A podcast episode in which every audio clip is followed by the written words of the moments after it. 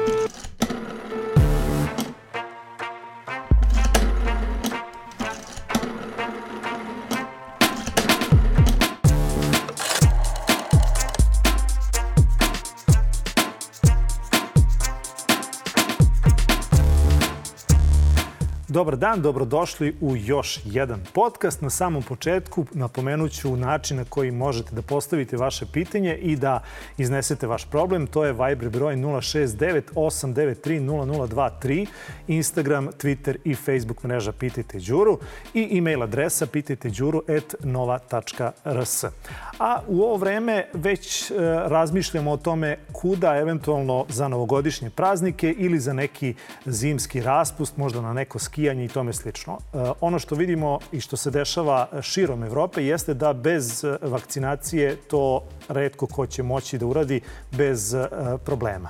E, shodno tome stiže prvo pitanje za današnju emisiju, a ono se odnosi upravo na vakcinaciju i na zelene sertifikate. Naime, pitali ste Poštovani, molim vas da pokrenete pitanje priznavanja rezultata testova iz privatnih zdravstvenih ustanova u zelenom digitalnom sertifikatu. Dakle, ovo je pitanje koje ste vi postavili, a e, na vezi je doktorka Gorica Đokić e, koja će nam e, nešto opširnije objasniti kako ovo za sada funkcioniše i da li je ovo pitanje koje je postavila slušateljka potpuno na mestu s obzirom da ono što možemo da pročitamo jeste da u okolnim državama se ovakva praksa primenjuje. Dobar dan, dobrodošli. Dobar dan, Đura. E, čuli ste ovo pitanje, dakle, e, kako sada stvari funkcionišu kod nas i da li je moguće ova ideja koju je postavila e, gledateljka da bude realizovana? Ja iskreno mislim da jeste, ne vidim što bi to bio veliki problem kada su privatne zdravstvene ustanove praktično, to jest malte ne od početka bila uključene u lečenje COVID pacijenata, naravno uz poslovnu dozvolu države. Tako da ja mislim da ne bi trebalo da bude problem da se uključi i testiranje vezano za koje, koje je obavljeno u privatnim ustanovama. Kažite mi, pošto je jako teško doći do informacije iz kriznog štaba i uopšte iz Ministarstva zdravlja na ovu temu, imate li vi možda neka saznanja zašto ovo za sada nije omogućeno? Nemam saznanja zašto nije omogućeno, jer bi to zaista bilo logična posledica s obzirom uh, da su, kažem vam, privatne zdravstvene ustanove zaista uveliko i podnele jedan, uh, jedan veliki deo tereta lečenja COVID pozitivnih pacijenata. Tako da, ovaj, naravno, ne mislim na, na hospitalno lečenje, mislim prevashodno na ambulantno lečenje, što znači neke lakše i umerene kliničke slike, tako da bi ovo zaista bila logična posledica, a i potpuno je, e, potpuno je uobičajeno u okolnim državama. Kažite mi e, šta bi eventualno mogao da bude razlog? Dakle, da li je tu u pitanju novac? E, dakle, u ovom slučaju očigledno država uzima e, novac za, za testove. Dakle, da li je možda tu odgovor, da li tu leži odgovor na ovo, na ovo pitanje? I da li se vi čujete sa vašim kolegama, ajde nećemo ići u evropske zemlje, već u ove zemlje koje su u našem takozvanom balkanskom regionu. Kako je to kod njih rešeno? Evo, slobodno možete da me pitate i za evropske zemlje, pošto sam u svakodnevnom kontaktu, s obzirom da smo deo Sindikat lekara i farmaceuta Srbije, deo jednog velikog evropskog konzorcijuma sindikata koji se zove CESI, tako da imamo informacije, ovaj, ali zaista ja ne bih mogla, e, sve što bi vam rekla kao odgovor bilo bi moje proizvoljno ili subjektivno ovaj mišljenje na ovu temu, mislim da zaista mora, mora Ministarstvo zdravlja da se pita za to. Ima li ikakvih signala da ovo može ipak da se reši? Ja mislim da to može samo uz neku dobru volju da se reši. Mislim da to ne bi trebalo tehnički da bude mnogo veliki problem. Dobru volju mislite na ministarstvo? Mislim da da, s obzirom da ministarstvo izdaje i praktično, ajde da kažemo, dozvole koji od privatnih ustanova može da se bavi lečenjem COVID-a, to jest ko može da ispuni uslove za lečenje COVID pacijenata i mislim da bi to možda onda moglo da se presali na ovu oblast. Kažite mi, e, kako vi iz sindikata posmatrate na današnju, kad smo se već dotakli te teme, na današnju situaciju gde imamo već unazad, pa recimo već dva meseca oko 60 prosečno preminulih od, od COVID-a. Dakle, da li e, ove mere koje imamo kao posledicu zatvaranja ugostiteljskih objekata posle 22 časa, to jest uvođenje tih COVID propusnica nakon 22 časa.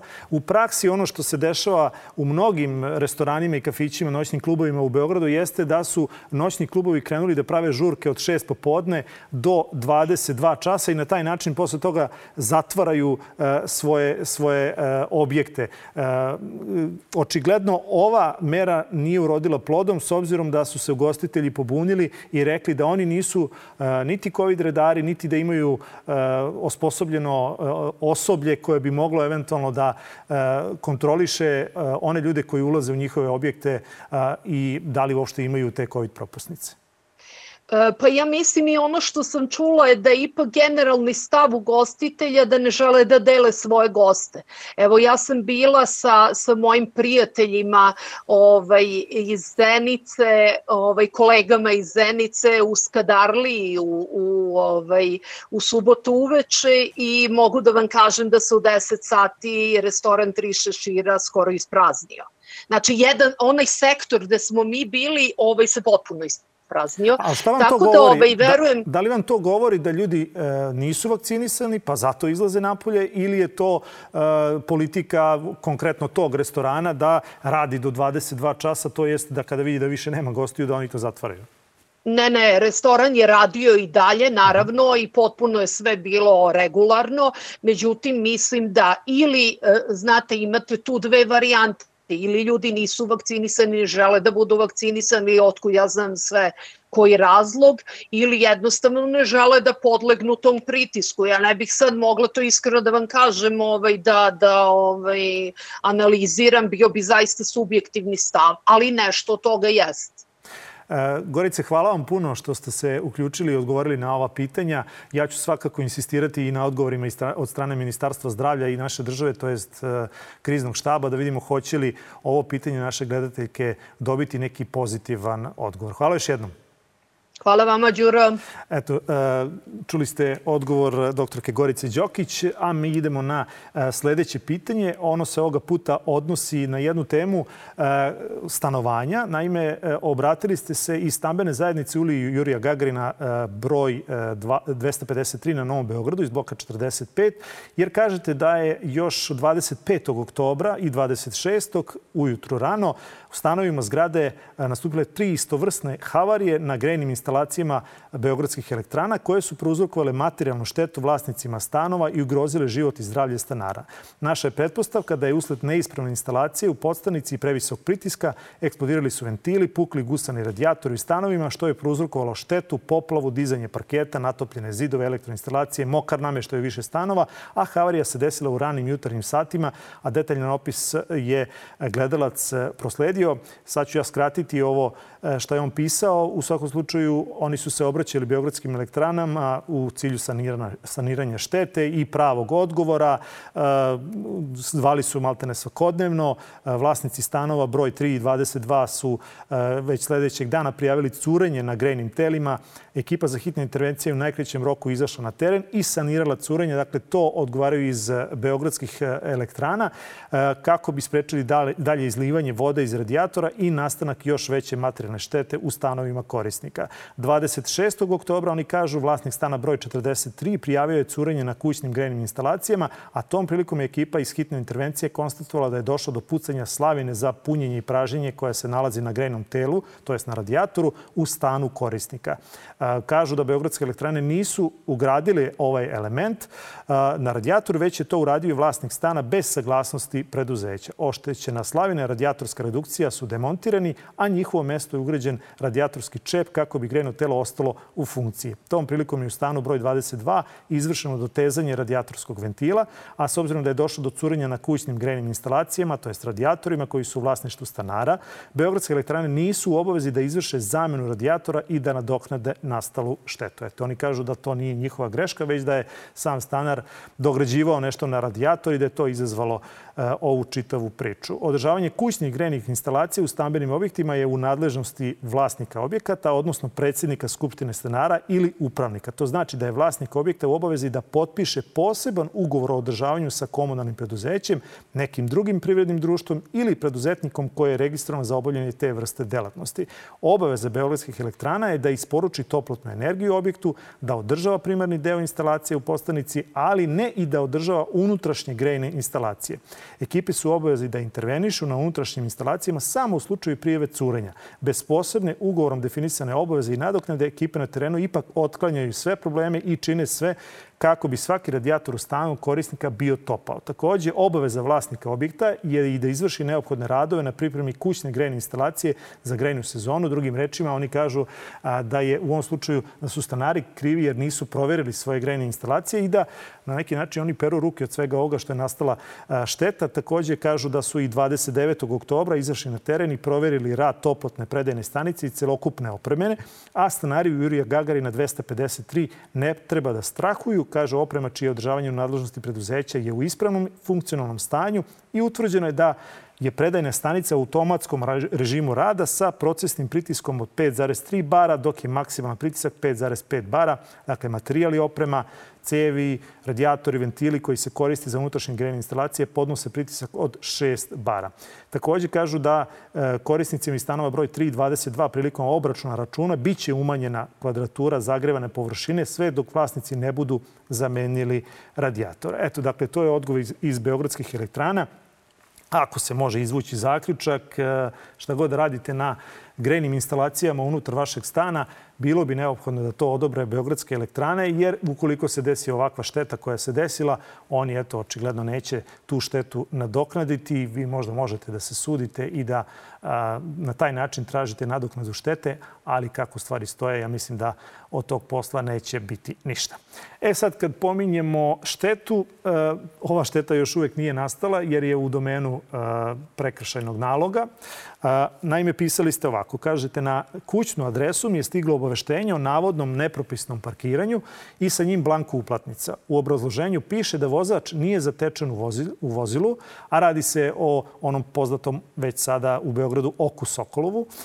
To je gnusna neistina jer sam bio u automobilu koji je bio upaljen i čekao da mi se otvore vrata za ulazak sve radi seledbe prijatelja. O svemu ovome imam i svedoke. Napominjem da nemam potrebu za nepropisnim parkiranjem jer posjedujem povlašćenu invalidsku kartu, te tako inače nema potrebu da stane na bilo koji prilaz garaži, to jest ulazu ili mestu gde nije dozvoljeno parkiranje. Shodno gore navedenom, molim vas da storinate nalog jer je neosnovan. Tako ste vi pisali, a na vezi imamo Damira Okanovića, advokata iz Komiteta za bezbednost saobraćaja, koji će nam razjasniti koja su čija prava u ovakvoj situaciji. Ja sam ovo pitanje prosledio i njemu, pa on zna o čemu se radi. Damire, dobar dan, dobrodošao.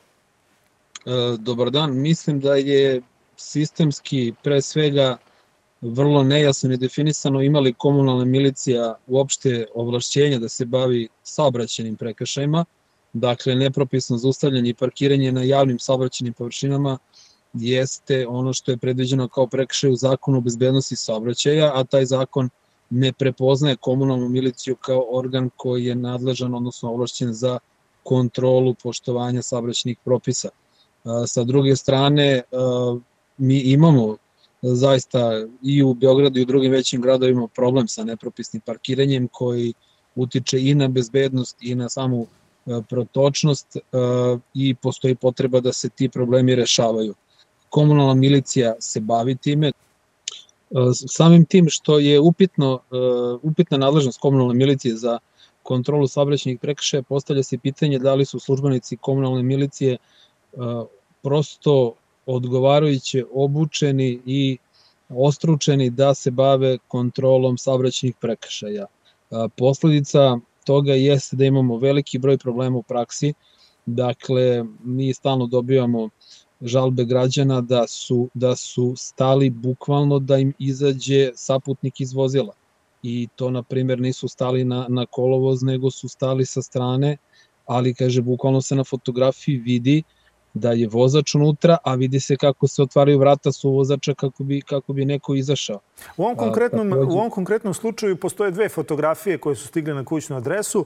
Obe fotografije su uh, od pozadi automobila. Dakle, može se možda uvećati pa videti uh, da vozač zaista sedi za, za uh, volanom. Ali šta raditi u ovakvim situacijama? Dakle, da li ovo terati do suda ili prosto ignorisati ili platiti tih 2500? Da li uh, komunalna milicija, to jest gradska uprava, ide na uh, tu varijantu da će ljudi da plate 2500 dinara u roku od e, nekih 8 dana koliko im se daje umesto 5000 naknadno, e, pa idu na tu varijantu da neće ljudi prosto da troše svoje e, radno vreme i da uzimaju slobodan dan da bi ovakve situacije rešavali, pa ko se upeca, upeca. Dakle, šta, šta uopšte, šta je savet građanima da rade u ovakvim situacijama?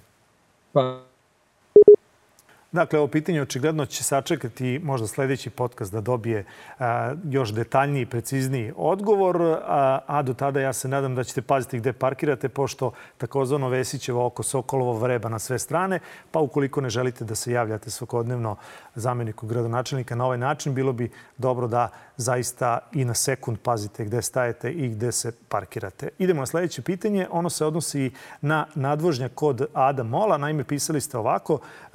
Nadvožnjak je već nekoliko meseci gotov, ne pušta se u rad. Radnici Beograd puta su za vikend sređivali pristupe za pešake oko semafora, kao da se taj semafor neće skoro uklanjati. A ubrzo bi dosta saobraćaja i inače vrlo zagušenom delu grada, dakle, ukoliko bi se postavila ova pasarela.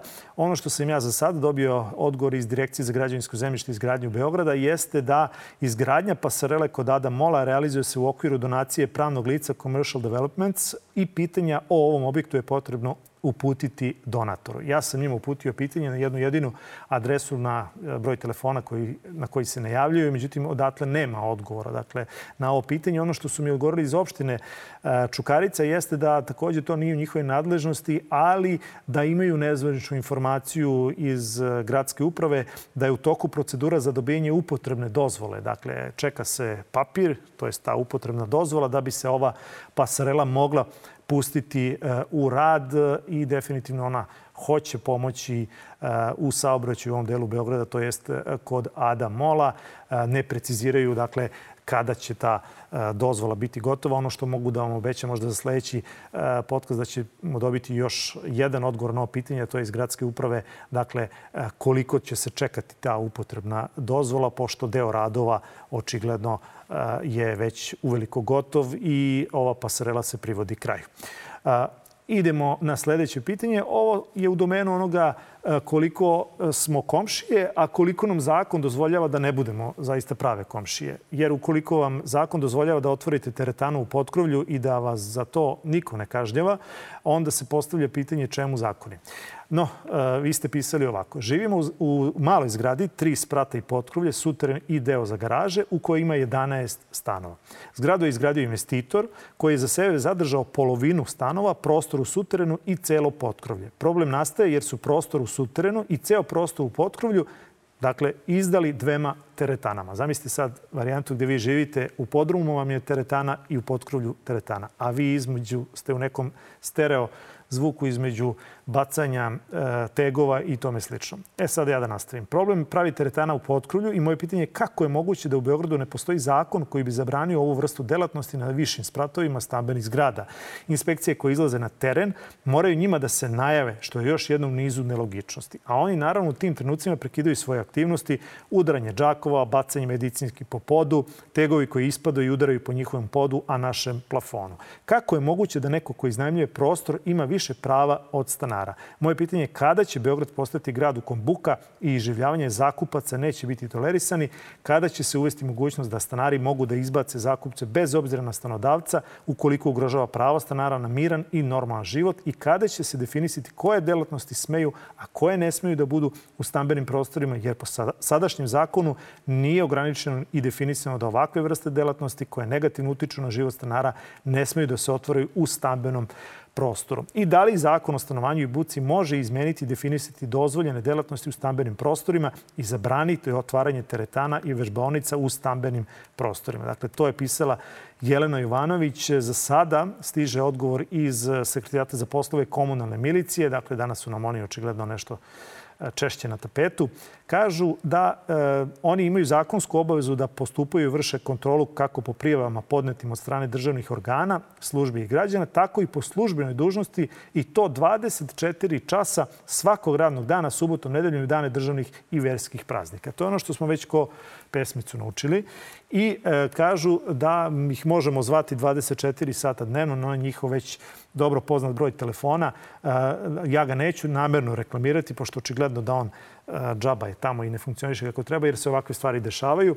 A napominju sledeće, da je propisano da radnim danima u vremenu od 16 do 18 i od 22 do 7 časova narednog dana a u danima vikenda u vremenu od 14 do 18 časova i od 22 do 8 časova subotom i 10 časova nedeljom stanari se moraju ponašati na način koji obezbeđuje mir i tišinu u zgradi. Dakle, to je takozvano vreme odmora. Kada je u pitanju dozvoljeni nivo buke u korišćenju posebnih delova zgrade, naročito u vreme odmora, zabranjeno je vikom, trčanjem, skakanjem i sličnim postupcima praviti buku i narušavati mir u zgradi i korišćenje kućnih aparata, ventilacionih sistema i drugih uređaja, mašina i aparata u zgradi na način da zvuk ovih aparata ometa stanare drugih posebnih delova zgrade.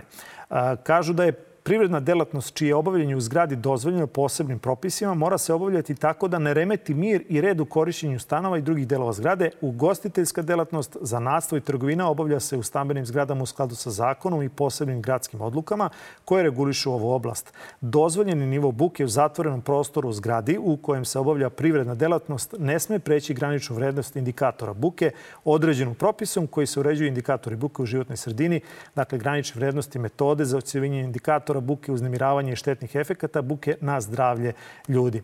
Dakle, sve to oni govore da je nedozvoljeno. I e, govore da ih možete zvati 24 sata dnevno, ali očigledno ovo u praksi ne funkcioniše. I pravo je pitanje na koje za sada nema odgovora, jeste kada će se zakon menjati, to jest kada će biti zabranjeno teretanama da budu otvorene u potkrovlju zgrade, jer zaista tamo im nije mesto. I nisu samo teretane ovde problem, postoje tu raznorazne druge delatnosti koje se e, obavljaju, a one su privredne u stambenim e, prostorima, dakle iznajemljuju se stanovi za raznorazne delatnosti i očigledno da tu e, samo pozivanje komunalne milicije ne može da urodi plodom, već moraju postojati neke mere koje će biti restriktivnije, a to je da jednostavno ukoliko zateknete takvu jednu privrednu delatnost u takvom jednom prostoru, da zabranite rad ili eventualno oduzmete e, ukoliko taj neko nastavi sa delatnošću da mu oduzmete imovinu ili tome slično. Jer ovo pozivanje očigledno ne e, nije nešto što može da reši ovakav problem. Dakle, to su odgovorili iz komunalne milicije za sada. Očigledno ovde je problem zakon, a ne e, primjena već postojećeg zakona. Idemo na e, sledeće pitanje koje se odnosi na potrošače. Naime, e, pitali ste koja su prava potrošača i kakva je procedura kada vam mašina za veš u garanciji zarđa. Može li se tražiti potpuno nova?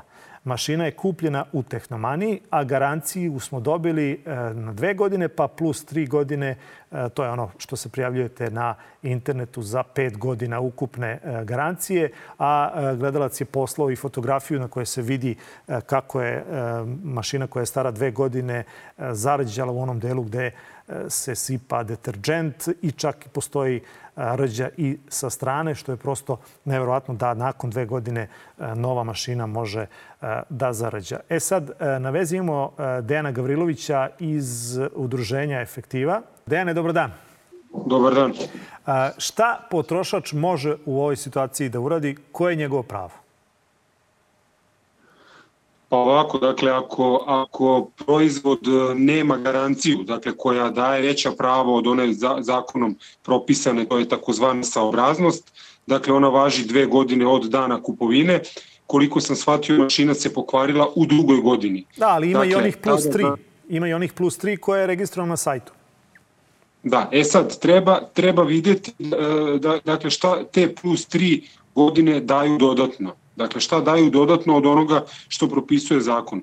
Ono što kaže zakon, dakle, nakon isteka še, e, šest meseci od dana kupovine, potrošač e, ima pravo na zamenu proizvoda. Dakle, na, od, izvinjam se, na popravku. Dakle, ima pravo na popravku, osim ako ta popravka je, da kažemo, pričinjava neku znatnu nesaobraznost, onda potrošač ima pravo i na zamenu proizvoda. Dakle, to je to, je to što se tiče prava koja se tiču nakon isteka perioda od šest meseci. A garancijom, dakle, garancija predstavlja pravo predstavlja dokument koja daje veća prava potrošača i treba pročitati u tekstu garancije da li je recimo to, e, taj period od šest meseci možda produžen recimo na dve godine, pa se tu daje potrošaču neko veće pravo na zamenu proizvoda, na, na povećaj novca i tako dalje. Ne verujem da je tako, ali to sve piše u garanciji. E, dakle, koji su koraci onoga ko dođe u ovakvu situaciju? obraćali se tamo gde je kupio, obraćali se servisu, kome se obraća i da li ima neko kome se može obratiti ukoliko sve ove instance potroši, to jest nekoj zaštiti potrošača pri Ministarstvu trgovine. Funkcioniše li to? Nekoj inspekciji? Pa ovako, dakle, prvo što treba potrošač da uradi je da pročita tekst garancije. Dakle, da vidi koje su prava tamo predviđena u tom slučaju. Zatim da uputi pisanu reklamaciju trgovcu i da se pozove na odredbe reklamacije. Ako ne, onda da se pozove na zakonske odredbe. Dakle, uvek se reklamacija upućuje prodavcu, ne servisu. Prodavac će zatim da kontaktira servis, servis će izaći na teren, proveriti dakle navod potrošača, utvrditi da li je to tako ili eventualno nešto drugo i na osnovu nalaza tog servisa dakle postupa se dalje. Ono što što mi u efektivi znamo je da obično trgovci u dogovoru sa servisom odnosno servis u dogovoru sa trgovcem radite neke radnje po kojima ispadne da potrošač nije u pravu, da je kvar nastao nepravilnim rukovanjem i tako dalje, a sve iz razloga kako bi se potrošač onemogućio da ostvari svoja prava, odnosno da trgovac ne bi ispoštovao ono što je zakonom predviđeno. Dakle, ako dođe do, takvo, do, takve situacije, treba reći da tržišna inspekcija u ovakvim slučajevima nema nikakve ingerencije, Udruženja za zaštitu potrošača pri Ministarstvu trgovine su tako reći paradržavna udruženja, oni dobijaju novac kako bi pokrivali ovakve situacije u korist trgovca. Dakle, oni neće pomoći potrošaču i sve se svodi na to da e, potrošač ako je u pravu, ako se, ako se i utvrdi da da je u pravu na neki drugi način, ako insistira na tome da je u pravu, jedino šta preostaje da pokrene sudski postupak. Udruženje efektiva se bavi time godinama unazad, pomažemo potrošačima u takvim situacijama, ali naravno potrošač prvo mora da zatvori taj krug sa reklamacijom kako bi dobio pisani odgovor od trgovca. Dene, hvala puno na ovom odgovoru. Dakle, e, nadam se da smo pomogli i gledalcu koji je postavio pitanja i svima vama koji možete ili ste već bili u ovakvoj situaciji. Hvala još jednom. Čuli ste Dejana Gavrilovića iz Udruženja Efektiva. A mi idemo na sledeće pitanje koje je takođe u domenu e, potrošnje, ali ovom puta e, reagovano je prilično brzo. Naime, vi ste pisali, hoću da vam ukažem kako se vaš partner SBB odnosi prema korisnicima. U subotu su nam na brzinu zamenili optički kabel i otišli. Kada sam počistila đubre za njima, upalila televizor, ništa nestao program i internet, zvali smo ih desetak puta, obićanja i ništa. Ceo vikend ništa. Moj sin mora da radi i imaće veliku štetu. To vam je reklama od SBB-a. Moram u MTS. Srdačan pozdrav. Nada Jovanović. Ja sam Nadu zamolio da pošalje podatke da bismo reagovali i ona onda je to učinila.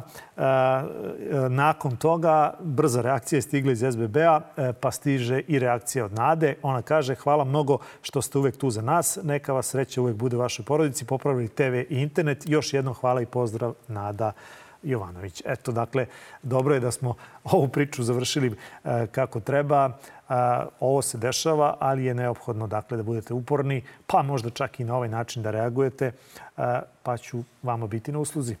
Idemo dalje. može li se urgirati kod nadležnih da promene svetlostnu signalizaciju na raskrsnici Bulevara umetnosti i Bulevara Milutina Milankovića? Naime, boje na semaforu se jako slabo uočavaju, a pogotovo kada sunce upre u njih. Radi se o veoma starom semaforu. Evo stiže i odgovor iz e, Beograd puta. Kažu u okviru e, ugovorenih obaveza na redovnom održavanju saobraćaja signalizacije pa i semafora na mreži puteva iz nadležnosti puteva Beograda izvođač radova Beograd Put je na predmetnoj raskrsnici vršio zamene dotrajale opreme u procesu redovnog i havarijskog održavanja.